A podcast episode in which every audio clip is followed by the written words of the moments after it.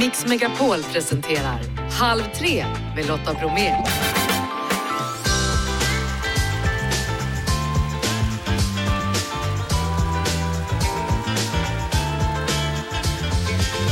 Hallå där och varmt välkommen in i Halv tre-studion. Denna soliga, inte ett moln så långt ögat kan nå, tisdag. Nej, onsdag till och med. Jag har inte stått här sedan igår utan jag kom precis in i studion, man kan tro annat. I dagens mix, Karina sover ute oavsett väder. Grönsakerna skenar i pris men bara i Sverige och inte i övriga Norden. Varför? Vi pratar än en gång med en ung företagare. Filip har fixat en tröja i kampen mot bröstcancer. En nykär Jill Johnson är dagens gäst och om en vecka så är det nypremiär för Jills veranda. Sara berättar om att vara muslimsk feminist, ja, visst. Och strax så kollar jag läget med Viktor Krone inför helgens Mello-semifinal. Nu kör vi! På lördag då är det semifinal i Melodifestivalen och en som har tagit sig dit det är Viktor Krone och nu ska han då försöka att ta sig ända till final. Och jag nämnde ju förut att det är väldigt fint väder ute, det är liksom inte ett moln och så är det sol. Så det är inte konstigt att du befinner dig på promenad eller Viktor? Ja, men man behöver komma ner lite varm nu. Jag ska åka till Övik för andra chansen så det är skönt att få lite rörelse. Det gäller att ladda upp sakta men säkert. Ja, hur är känslan egentligen inför lördag och semifinalen? Det ska bli kul. Jag känner att jag behöver få lite, igång lite energi i kroppen. Men det kommer komma när man kommer in i arenan där. Då får man peppen tror jag. Nu är det ju tredje gången du är med i Mello och vad är det som är så roligt? Det är en bra fråga för det är både och. Det är både väldigt kul och väldigt jobbigt. Men det roliga är ju, det är en otrolig plattform för att få ut musik och synas och sen det här att få göra ett nummer, en låt så pass länge, det är få förunnat. Sen det här tävlingen och sitta och svettas i green room är väl sådär halvkul. Du har ju även tävlat då för Estland, hur kommer det sig? Eh, jag var där, eller är fortfarande där till och från och skriver musik till deras artister som de har och då skrev jag en låt där och då frågade de mig om fan, ska vi inte skicka in den här till våran version av Melodifestivalen, Estilaul heter det. Och jag sa ja och tänkte inte så mycket mer på det och sen ett par veckor senare så var jag med. Sen gick det som det gick. Så hur, hur funkar Estilaul? Skiljer det sig från den svenska? Det är inte lika många deltävlingar utan där var det två semifinaler och sen en stor final. Din låt Diamonds då är en hyllning till din flickvän. Berätta, vad betyder hon för dig? Väldigt mycket. Hon stöttar mig genom allt det här och hon har varit med och kollat rep och när man står hemma och kör och röst. Och man går ju lite upp och ner i hur det känns liksom. Så hon har varit väldigt peppande i det här. Sen har den liksom, låten skrevs, den har legat med i ett par år nu. Den skrevs på Söder för två år sedan och så har det legat lite i arkivet och plockat fram. Och sen just för mig nu så ja, känner jag mycket för att den går mot min tjej Amanda. Var ligger den då när den ligger i arkivet? Hörru? Ja, det kan man ju fråga sig. Det låter intressant va? Ja. ja. den ligger i en liten låda med så kassetter som jag plockar fram till och från. Ibland vissa låtar kan ta tre, fyra, fem år och sen den här låten skrevs liksom egentligen för, det var med två låtskrivare, en som heter Peter Kvint och David Zacharias Lindgren. Så sa vi att nu skriver vi en mellolåt. Eh, och det vart ju, den är i sitt rätta forum nu kan man säga. Skönt för den. Ja, den, jag tror den är glad. Den är glad. Den är glad, ja. Du, jag såg reportaget från hemma hos dig där det var väldigt vad vitt du har hemma. Ja, det är rätt vitt va? Ja. Ja, det är vitt. Nu, vi flyttade ju in, ja, det är ett år snart faktiskt, men du tycker att det är för vitt alltså? Ja, vad tycker du? Ska ni inte... Ja, jo, det kanske ska få lite känsla. Efter jag lagt på det med dig här ska jag gå och få ett tips. Jag har stopp i avloppet, bikarbonat och eh, vad stod det? Ättika? Det brukar funka. Ja. Ja, har du provat det? Nej, men jag vet, jag vet en städkvinna som är med i programmet ibland, hon brukar säga använd bara saker som du ändå nästan har hemma. Ja, ja bikarbonatet har jag inte, men det, jag rakade mig igår och nu jäklar svämmar över. Men ja, jag ska ta, jag tar till mig det vita. Jag måste bara tänka vart vi, vilket håll vi ska åt. Ja, Nej, men det var spännande för sen, sen så hade du ju färg, men det var inne i, i ett skåp. Så man såg inte färgen förrän du öppnade luckan där i ett skåp. Ja, ja, du tänker där jag höll på med mina lampor? Ja. Ja, i vinskåpet där, vinglasskåpet. Där var det färg? Ja, där var det lite grönt. Ja, där var det färg. Det, och där hänger jag ju mest. Jag sitter där ofta och stirrar in där. Då har vi fått förklaringen till de vita väggarna. Jajamän. Mm. Vi ska lyssna på Diamonds nu då, Viktor. Vad vill du säga om låten och vad vill du säga om helgen? Jag hoppas ni kommer att kolla igen. Det kommer att vara lite ändringar nu på lördag för min del. Kommer gå in i 2.0. Det kommer nog smälla lite mer och förhoppningsvis eh, jag sätta min röst lite bättre också så det känns lite tryggare. Så till helgen då så blir det pyro. Det blir pyro, jäklar. Lycka till på lördag Viktor Krone. Tack Lotta.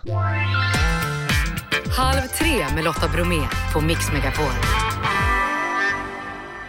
Idag så släpps boken Muslimsk feminist, ja, visst, av journalisten Sara Delshad. Välkommen till Halv tre. Tack snälla du, tack Lotta. Eh, muslimsk feminist, ja, visst, det, det, är en titel som nästan indikerar att det finns ett motsatsförhållande eller i alla fall inget som går ihop med, mellan muslimsk kvinna och feminism. Ja, ja, men det finns ju stereotypa föreställningar kring den muslimska kvinnan just kopplat till då att hon inte kan uppnå total självständighet och att det finns en motsättning i att kunna vara feminist och muslim och just det där vill jag rucka lite på och jag hoppas kunna göra det med min bok. Ja, du hade behövt den här boken har du sagt, som ung. Varför? Ja, men verkligen. När jag blickar tillbaka på mitt liv, eh, jag börjar bli så gammal att jag kan göra det faktiskt, så um, inser jag att jag hade behövt en peppande handbok. Det är inte lätt att navigera i två olika världar som muslimska kvinnor gör. Det är dels en fot i det här västerländska sekulära samtidigt som du har en fot i det muslimska och hur man balansera lite på det där. Det kan vara svårt och det är mycket inre konflikter och man vill ju vara trogen det muslimska arvet och alla eh, regler och normer kopplat till det samtidigt som man också är en ung kvinna med allt vad det innebär av att vilja utforska sin mm. sexualitet och så vidare. Hur mycket hänger det här ihop med liksom kultur Ja. Eller religion? Ja, men det är en jättebra fråga. Jag brukar alltid säga att vi ska vara väldigt noggranna med att skilja på religion och eh, seder. Ehm, eh, religion som eh, ändå en väldigt, jag tänker på religionen som en andlighet och som en kraft och med budskap om alla människors lika värde, det är ju en sak och sen så har vi muslimska seder som i mångt och mycket ibland förtrycker muslimska kvinnor. Jag tror att det är viktigt att vi separerar på de två sakerna där mm. och sen så måste vi också vara ärliga med att så här, manliga makthavare har genom historien använt religionen för att legitimera politiska förändringar men också för att eh, eh, gynna egna intressen där. För att om vi tittar på ett land som Afghanistan till exempel, där är det inte mycket plats för feminister. Nej, nej precis. Mm. Nej. Nej men precis, nej men det är det inte och som muslimsk kvinna så är det ju väldigt viktigt att man idag i Sverige företräder sig själv som individ och inte att man skuld och skambeläggs för någonting som är bortom ens kontroll och det är också en del, och jag skriver ganska mycket om det i boken så att min rekommendation är att man läser boken för där, där kommer jag in på just hur viktigt det är att alltid stå upp för muslimska kvinnors rättigheter och möjligheten att mm. så här, muslimska kvinnor ska företräda sig själva som individer. Du har länge funderat kring frågor som religion, feminism, sexualitet och du startade redan 2012 en Facebookgrupp som hette Muslimska feminister. Hur var ja. responsen? Gud, ja men det är nästan tio år sedan, wow, tiden bara flyger förbi.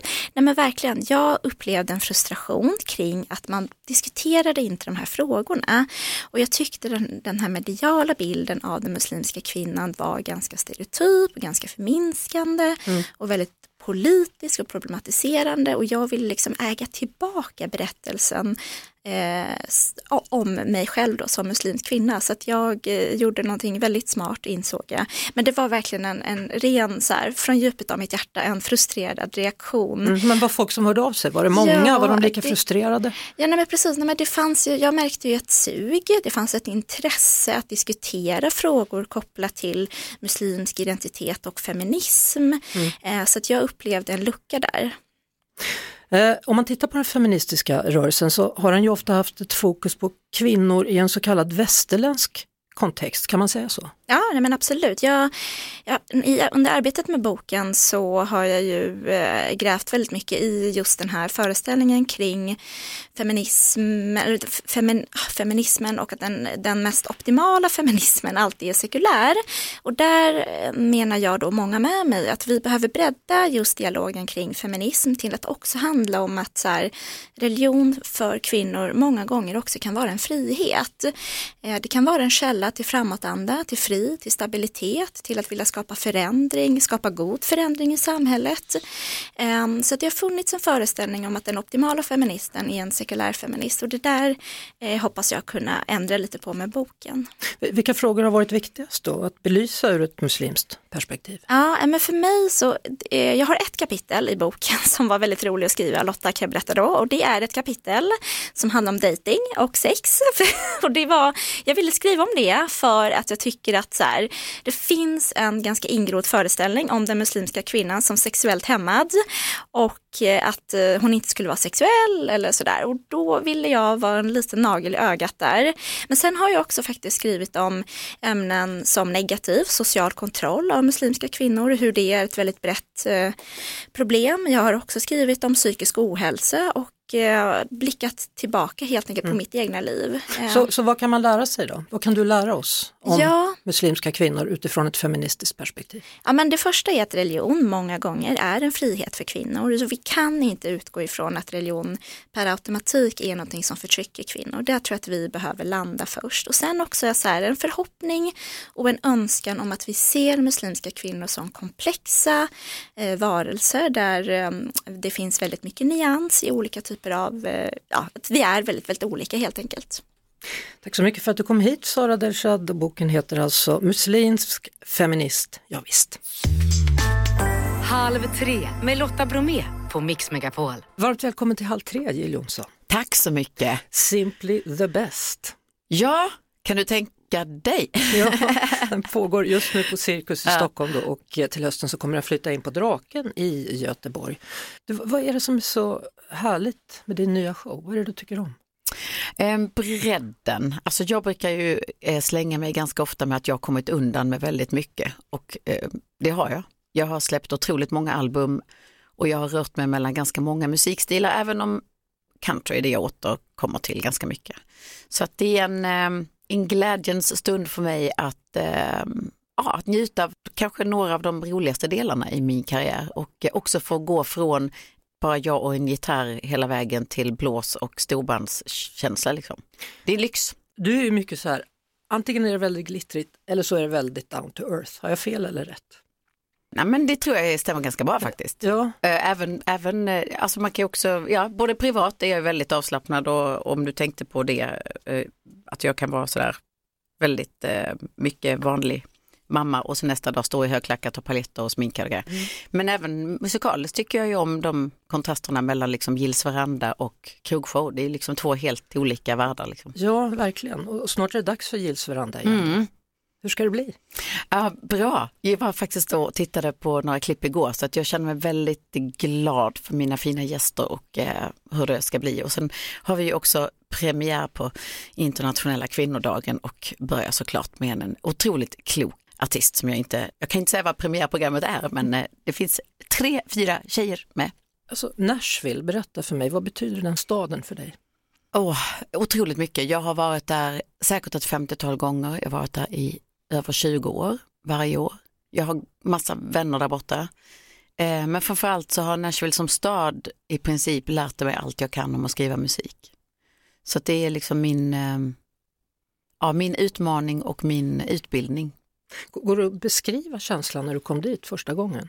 Första gången var jag faktiskt ganska besviken, men det var för att jag hade romantiserat staden sedan barnsben och trott att liksom det skulle vara så saloonaktigt och så. Och någonstans så tog det väl, vad kan det satt, kanske tre resor dit innan jag hade lärt känna lite människor och fått se liksom andra delar och vågat mig lite utanför kvarteren som jag jobbade i.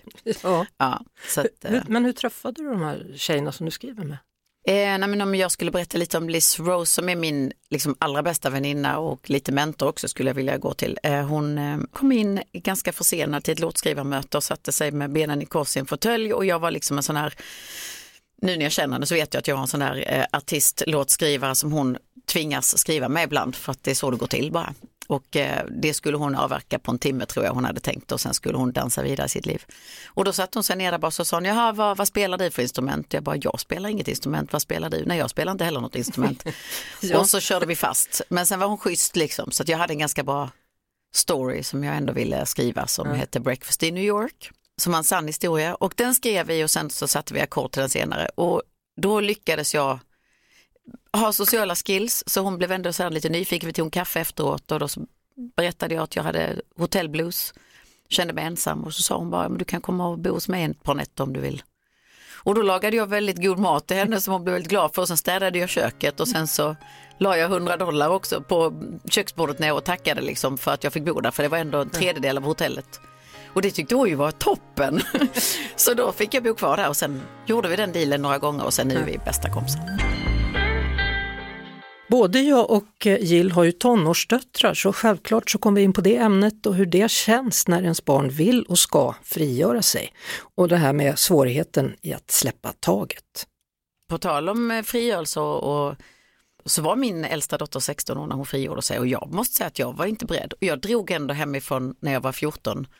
Och du vet den här långa linan som man förväntas släppa på liksom. Det, är ju, det gör jag gärna, det vill jag göra liksom. Men det är ju jag hade ingen sån här lina tycker jag när jag var ung. Jag tyckte att mina föräldrar skickade med hela skiten och så var det bara vuxenlivet direkt. Liksom.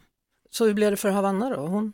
Eh, ja, nej, men det har gått hur bra som helst. Alltså, hon, är ju en, hon är väldigt lik mig till sättet, så socialt skillad och eh, glad och härlig och, och tar för sig av livet. Liksom. Men eh, framförallt så känner jag att hon har ju en tonårsperiod som jag inte hade eftersom att jag jobbade liksom, och var med, hängde med vuxna mest bredvid skolan och hon lever liksom gymnasielivet och det unnar jag henne så mycket, jag är så glad för det. Alltså du hann aldrig med det då när du var Nej. ute där? Nu vet jag inte varför jag går in på alkohol direkt bara för att vi pratar tonårsperiod men vi vet ju att det är en, en inträdesålder liksom till ett vuxenliv och inte bara de bra delarna. Liksom. Mm. Jag drack ju min första öl alldeles för ung men med fyra män som tog den ifrån mig så fort de märkte, liksom, sen fick jag gå och lägga mig. Mm. Så att jag drack liksom alkohol med vuxna och när jag kom hem och mina kompisar liksom festade så tyckte jag det var så otroligt B. Vilket jag säkert hade behövt vara med och göra för att ja, lära mig den vägen. Liksom. Men, ja, Det är Ja. väl inget att föredra naturligtvis men det, Jag jag missade ändå röjet och festerna och, och de roliga, liksom, det som snackades om på veckorna sen Ja. kunde jag inte vara med i. Som mamma då så blir man ju orolig, eller jag blir i alla fall, Ja. när hon börjar gå in nu och Ja. närma sig vuxenlivet. Vilket sällskap, vilka är hon med, Mm. vad ska hända? Men det är ju man... också ett lotteri. Det ska det vara. Jag tycker vi ska vara oroliga. Det- Jag tycker det är ett annat klimat också sen vi själva var unga så det ska man ha med sig. Mm. Men herregud, jag skrev ju ett helt album. Jag skulle ju säga, det var precis det jag skulle säga. Ja, jag, var- jag, var, jag, gick, jag, jag kände ju otroligt många saker. Ja. Alltså, det var ju eh, en riktig känslostorm alltså. Och det var ju också första gången som jag i princip skrev låtar själv. Det bara forsade ur mig. Och det gjorde jag ju i samförstånd med henne. Så vår relation har ju blivit eh, om möjligt ännu närmare. Och jag tycker också att det är väl det jag vill säga till alla tonårsföräldrar. Prata, prata, prata. Va, va, vad handlade de låtarna om för de som inte har hört det? Titelspåret Dear Havana handlar ju om eh, ett samtal mellan mor och dotter på varsin sida om Atlanten. Därför att Havanna satt ju helt plötsligt där mitt i friheten och började snacka om USA, att hon skulle dra så fort hon fick en möjlighet. Och jag har ju varit själv varit den som har liksom presenterat USA för henne. Hon har rest dit sedan hon var sex månader gammal. Så det är väl inte konstigt, men det känns ju också jävligt långt bort och inte alls en bra idé. så att eh, det är ett ganska sårbart samtal där Havanna också faktiskt sjunger på låten och det var också bara en tillfällighet för jag visste inte ens om att hon kunde sjunga på det sättet. Det hade hon aldrig gjort liksom. Svårt det här med att släppa taget. Alltså. Ja men verkligen. Men, det är men det är väl eh, oundvikligt Ja, ändå på något vis. Man, må- alltså, man måste göra det, och för deras skull också. Jag Mm. menar det handlar ju om att de ska klara sig. Det är ju det är min enda liksom, dödsångest faktiskt, det är att jag ska dö innan de blir vuxna och klarar sig själva. För att annars så, så jag menar, ja, man måste, de måste ju lära sig att leva sitt liv liksom. Och Jill Johnson hon växte ju upp i Ängelholm och numera så har hon flyttat tillbaka till sin barndomsstad. Äntligen. Vad är det med denna stad som gör att du älskar att vara där? Alltså jag vet inte. Någon form av grundtrygghet, kanske havet, min uppväxt. Ehm, kanske hade Ängelholm inte haft den tyngden för mig om jag inte hade haft mitt jobb. Jag får ju liksom vara på så många platser tack vare mitt arbete och ja, nu har jag ett hem i, i Jämtland med Mattias också så att jag, har, jag får ju så himla mycket och jag bor i Stockholm också emellanåt. Men jag vet inte. Där vill jag leva, där vill jag dö på något vis. Så att, eh, ja. Ja. Men vad är det, vad är det som, som gör Mattias så bra då? För du ser ju otroligt kär och glad ut. Ja, men jag är väldigt kär och glad. Eh, nej men, ja, alltså, det blir så otroligt privat och, och liksom svara på sånt men jag tycker att han är bara en otroligt rolig, smart, härlig man, trygg. och jag har otroligt sam härliga samtal och, och han är också äventyrslysten liksom och tycker om att resa och han har visat mig så otroligt många delar av världen som jag aldrig kanske hade tagit mig till annars. Lärde ni känna varandra genom mail? Ja, han skrev till mig. Men det är, det är så, inte jag och svara på en sån sak egentligen, men han var så inte liksom uppenbart ute efter någonting annat än ett samtal. Eh, och det kan man ju diskutera såklart, men jag upplevde inte det så där jag var i alla fall, där jag befann mig. Jag har samma erfarenhet med min sambo. Ja, du ser. Ja. Men sen kan jag känna så här, hur fasen ska jag träffa någon då? Det är inte så att jag skulle liksom lägga ut mig själv på Tinder i första hand och sen också krogen och, och så som jag jobbar. Det är svårt att vara en offentlig person på det viset, inte just kändisskapet utan det blir en obalans i man är någon mm. och så ska den andra bli någon. I stunden menar jag, alla är ju någonting såklart, men det blir en sån obalans i första mötet, det är så svårt. Jag, jag brukar... Och jag vill bara vara som alla andra och har alltid känt så. Så har jag också alltid känt. Ja men det, det, är, ju, det är ju ganska, man vill ju vara med. Men, man vill vara med. Så därför känner jag väl att eh, det var helt logiskt sett, jävligt modigt av honom och jättemodigt av mig att svara. Men finaste, finaste sättet att träffa någon, på alla sätt jag har träffat någon, att få, att få skriva och lära känna en människa i text och ord. Och jag googlar naturligtvis upp lite bilder vilket var jättespännande för han såg så olika ut på alla bilder. Han kostym och allvar eller på någon bild och kepsen på sne och i skidbacken på den andra. Så jag visste inte riktigt vad jag skulle möta. Det låter ju som du. Ja, kanske Just faktiskt. det här liksom ja, det vardag och sen glitter. Ja. Nej, jag är väldigt förälskad. Ja, jag ser det. Ja. Det gnistrar. Det är kul. Ska ni gifta er också? Ja. ja. När då? Nästa år. Är det bestämt nu? Ja, det har varit bestämt hela tiden. Det är bara det att... Var, var ska ni vara?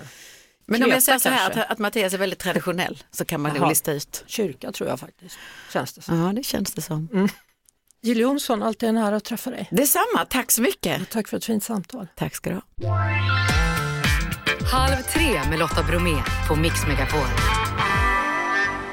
Hörrni, det har väl inte undgått någon som besökt en grönsaksdisk den senaste tiden att priserna på frukt och grönt stigit markant. Senaste månaden har bland annat priset på purjolök ökat med 37 procent, gurka 14 procent och tomater och morötter 11 procent enligt SCB.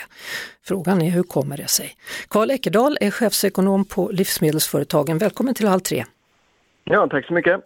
Ja, hur ska man tänka här? Är det främst frukt och grönt som är de mest priskänsliga livsmedelsprodukterna tror Ja, alltså, ja det kan man säga att eh, priset på frukt och grönt rör sig väldigt snabbt upp och ner. Det finns inga filter eller lager emellan som, som tar upp eh, stötdämparna, håller jag på att säga, när priset förändras beroende på omvärldsfaktorer då, när det handlar om att odla tomater exempelvis eller gurka eller annan grönsak. Det, det, finns i stort sett bara en grossist emellan eh, kunden och odlaren. Och det gör att eh, du får snabba genomslag på förändringar i skördar och annat och kostnadsbilden för en producent. Varför har det blivit så dyrt just nu då? Ja, eh, som alla vet så är det ju en stor problematik i hela Europa och världen egentligen när det gäller energikostnader. Och för odlarna runt om i hela världen, men inte minst då i Europa, har ju elpriser, energipriser i allmänhet eh, pekat rakt upp i himlen och det påverkar ju i allra högsta grad eh, kostnaden att odla och det har ju också gjort att en del odlare har valt att inte odla. Vilket gör att totalt sett så har utbudet påverkats i fel ände samtidigt som efterfrågan är, är fortsatt hyfsat stabil vilket gör att du får eh, ett uppställ i priset. Samtidigt så verkar det som att det är dyrare med grönsaker och frukt i Sverige än övriga nordiska länder. Eh, ja, alltså vi, vi ska aldrig glömma bort när det gäller svenska förhållanden att vi, vi har en av världens sämsta valutor, åtminstone om man jämför med andra västländer. Eh, och Danmark och Finland, eh, deras, båda deras valutor är antingen kopplade till euron eller så har man en euro och eh, den har, den har hållit emot betydligt mycket bättre jämfört med den svenska kronan. Det, det, får man aldrig glömma bort när man jämför med våra nordiska grannländer, att vi har en, eh, en krona som inte håller emot. Så hur ska man tänka nu då som konsument här? Som konsument så eh, får man nog vara, vara, försöka vara flyktig, jag att, att eh, konsumera efter säsong och, och, gå på de grönsaker som utvecklas bättre för stunden. Och sen så småningom så kommer vi att se eh, en annan prisbild på, på, på de grönsaker som, som har de allra högsta priserna just nu när, när, när när odlingssäsongen i södra Europa kommer igång ordentligt och förhoppningsvis den svenska kronan eh, stärks mot euron och dollarn. Det, det gör ju också att en del av de här grönsakerna vi importerar kommer att kunna komma ner i pris. Mm. Eh, men, men man, får, man får vara eh, rörlig eh, som konsument och inte bara hålla sig till sina favoriter utan kanske gå över på rotfrukter och annat som har eh, bättre prisbild för närvarande. Så för min del då, glöm purjolöken? Ja, men purjolöken ska man komma ihåg, det var den grönsak som som föll mest i pris förra året. Om man jämför över tid hur purjolöken utvecklas så är det intressant eh, att konstatera att den faktiskt ligger långt under vad en genomsnittlig matkasse har utvecklats sen, sen referensåret 1980 som SCB har så har inte purjolöken utvecklats särskilt eh, mycket egentligen. Men eh, för, för stunden så ja, om du jämför med ett år tillbaka så har den gått upp mycket. Tack så Men den grönsak som ligger sämst till det är vitkålen. Den har ökat nio gånger jämfört med hur det såg ut 1980. Men den kanske är på väg ner snart nu? Ja, vi får se. Ja, vi får se. Tack ska du ha Karl Eckerdal, chefsekonom vid Livsmedelsföretagen. Eh, endast i halv tre diskussioner om purjolökens vara eller icke. Vi ska fortsätta prata om priser på bland annat purjolök och annat. Då.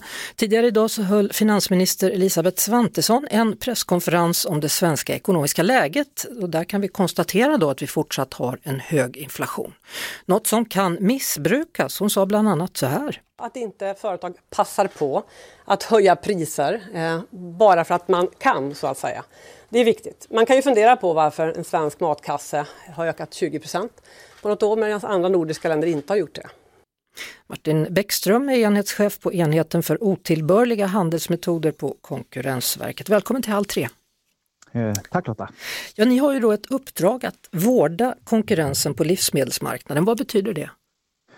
Ja, vad betyder det egentligen? Ja, nej, men vi är ju tillsynsmyndighet bland annat över konkurrenslagen och konkurrenslagen har till, till syfte att och, och, vad ska man säga, stävja de värsta avarterna på, på, på en marknad, exempelvis karteller eller missbruk av nominerande ställning. Och det är vår kärnverksamhet. Men vi har också i uppdrag att vara förvaltningsmyndighet för konkurrensfrågor och, och, och i det ingår det mer att titta lite bredare och, och fundera på hur marknaden fungerar och föreslå regelförbättringar och så där vi kan se att marknaden kanske inte fungerar optimalt. Men kan det vara så att man liksom passar på att smyghöja många varor nu? Eh, ja, det är en, en, diskussion som har, har varit ganska länge och som bland annat Riksbanken fångade upp redan eh, förra sommaren då, 2022 i, i den penningpolitiska rapporten i juni tror jag det var just att man kunde se tecken på att företag försöker höja sina marginaler mer än vad kostnaderna som man har haft eh, motiverar. Eh, så att det är ju någonting som vi, vi vill titta på när det kommer till livsmedelskedjan eftersom jag ser har, har den här höga inflationen på livsmedel som vi, som vi har. Mm. Alldeles nyss så pratade jag då med Karl Eckerdal som är chefsekonom på livsmedelsföretagen då och han pratade om att priserna höjs för att den svenska kronan är så dålig. Ja, det är en, en faktor som, som eh, såklart spelar in. Eh, och så. Eh, visst, visst är det så. Eh, I och med att vi importerar massa, massa råvaror som behövs exempelvis för, för vår livsmedelsproduktion. Eh, men sen hur mycket det spelar in, det vet vi väl kanske inte i nuläget. Och så. Mm. Hur, hur ska ni kolla nu då? Nu ska ni titta på livsmedelsbranschen här. Hur gör man då? Ja, eh, just den här gången så har vi gett eh, forskare i uppdrag då att titta på hur kostnadsöverföringarna ser ut i livsmedelskedjan från bonde till bord mer eller mindre, alltså mellan aktörerna i, i, i livsmedelskedjan. Och vi har valt att fokusera på på konsumtionsmjölk, alltså mjölkmarknaden och, och butikspackat kött. Eh, så att det är två, två liksom produktgrupper som vi kommer gå in lite mer på djupet på. Och det har bland annat att göra med att exempelvis mjölk och så, så har ju priserna stigit ännu mer än, än de här 20 procent som är den generella livsmedelsinflationen. Eh, så att man, vi har gett forskarna i uppdrag att titta på det och de kommer ta del av massa data helt enkelt och analysera och försöka se några mönster och, och, och trender och så. Mm. Vad kan jag som konsument göra om jag upptäcker att något inte står rätt till? Ja, då får man gärna tipsa oss på Konkurrensverket. Eh, det, det, det, kan man göra och det framgår på vår webbplats hur man gör. Men annars är väl det viktigaste vi konsumenter kan göra och, och är att vara, vara aktiva konsumenter och försöka hitta den vara vi vill ha till ett, ett så bra pris som möjligt. Eh, helt enkelt. Ja, och inte handla när man är för hungrig då. Nej, det är väl en klassiker. Ja, det är det va. Ja. Tack så mycket för att du var med. Konkurrensverket, alltså Martin Bäckström som är enhetschef på enheten för otillbörliga handelsmetoder. Ja, tack ska du ha. Vilken titel hörru! Ja, eller hur? Ja, den är härlig. Ja. ja den, den, är lång och härlig och tungvrickande. Så är det. Ha det bra! Ja. Hej! Ja, hej, hej. Vi ska i halv tre fortsätta vårt tema då av att prata med UF-företag som vill göra skillnad i samhället. Med oss idag Filip Texell från T-shirt UF, ett UF-företag som handlar om en t-shirt där en del av vinsten då går till forskning av bröstcancer. Välkommen till Halv tre Filip! Tack så mycket! Tack! Berätta mer om ert företag. Eh, så vi har ju då t-shirts med tryck både fram och bak eh, där 20% av vinsten går till bröstcancerforskning. Hur kommer det sig att du ville göra det här eller att ni kom på idén? Jag jobbar ju då med två andra personer eh, och vi alla tre hade på något sätt någon form av anknytning till folk eller vänner som har drabbats av bröstcancer. Så det kändes rätt naturligt att vi ville göra något för att stötta dem. Mm. Hur, hur, ser den ut, den här designade t-shirten? Eh, det, det, är en vit t-shirt och på framsidan så är det ett tryck av två rosa händer eh, som vi har gjort själva som ska liksom symbolisera den här traditionella bröstcancerfärgen. Liksom. Mm. Och på baksidan har vi fått ett eget gjort tryck enbart till oss av en konstnär som heter Astrid Sylvan. Härligt! Va, vad har ni mm. fått eh, för, för reaktioner på alltsammans? Um, vi har fått väldigt mycket positiva reaktioner både från eh, killar, tjejer, unga och gamla. De gillar idén, de tycker det är bra att vi inte bara gör det för att sälja utan vi har en liksom bakomliggande tanke med ett fint budskap. Ja men verkligen. Alltså, jag måste fråga dig också, hur, hur, ser det ut på ryggen där och den bilden som hon har tecknat, hur ser den ut? Eh, det är en, en målning av en eh, naken kvinna med, med brösten. Jaha. Ja du, mm. det låter ju ja. utmärkt. Hur, hur, tänker ni då? Ska ni fortsätta med det här företaget efter studenten eller vad händer? Ja, så det har gått, det har gått väldigt bra för oss. Vi har ju kommit till SM nu där de bästa UF-företagen kommer. Så att det är vårt nästa stora steg.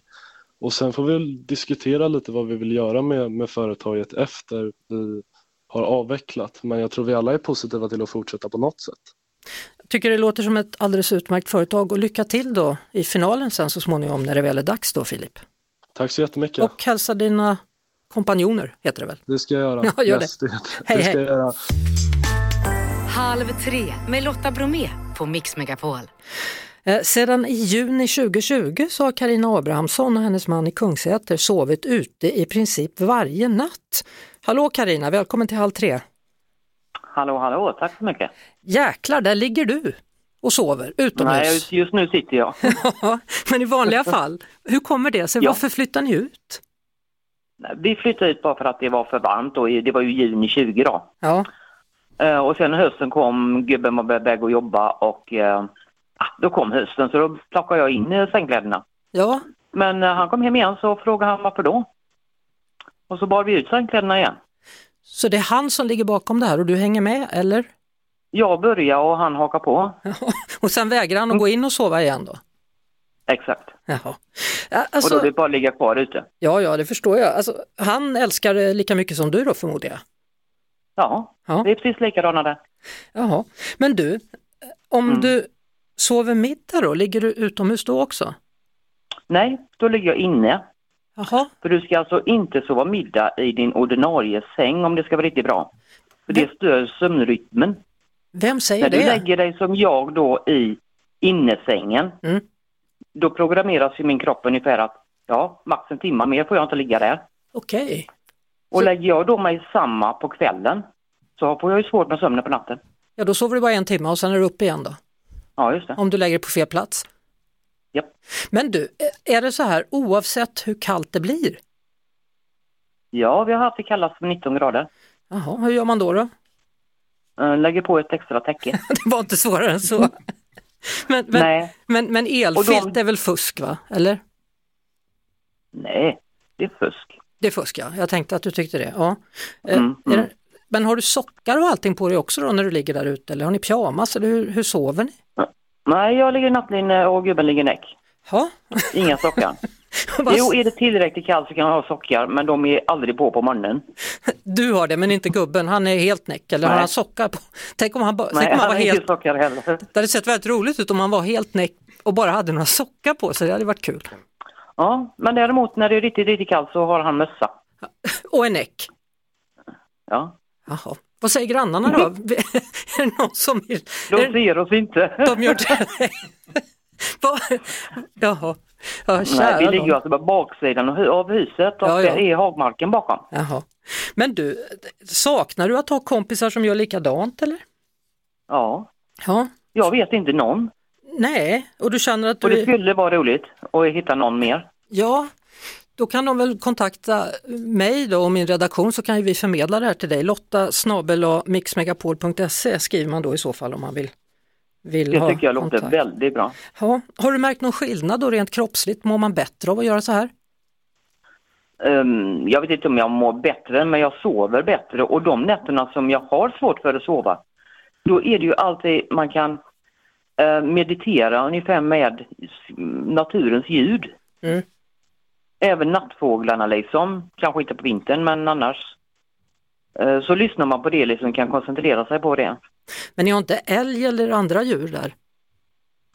Eh, nej, sådana stora djur har vi inte. Det är väl eh, snoken som är närmast och ekorren låter väldigt mycket när de springer på plåttaket. Jaha, ni har tak i alla fall över?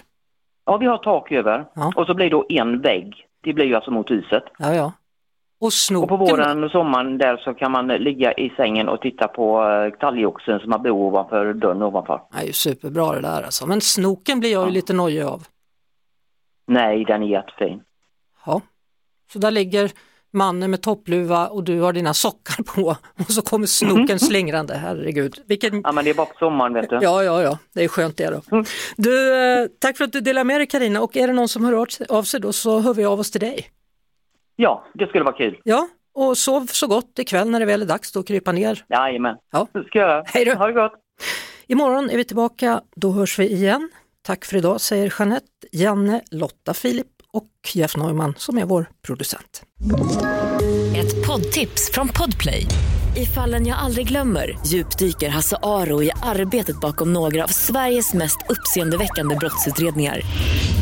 Går vi in med hemlig telefonavlyssning och, och då upplever vi att vi får en total förändring av hans beteende. Vad är det som händer nu? Vem är det som läcker?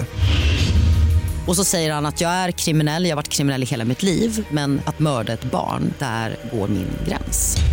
Nya säsongen av Fallen jag aldrig glömmer på Podplay.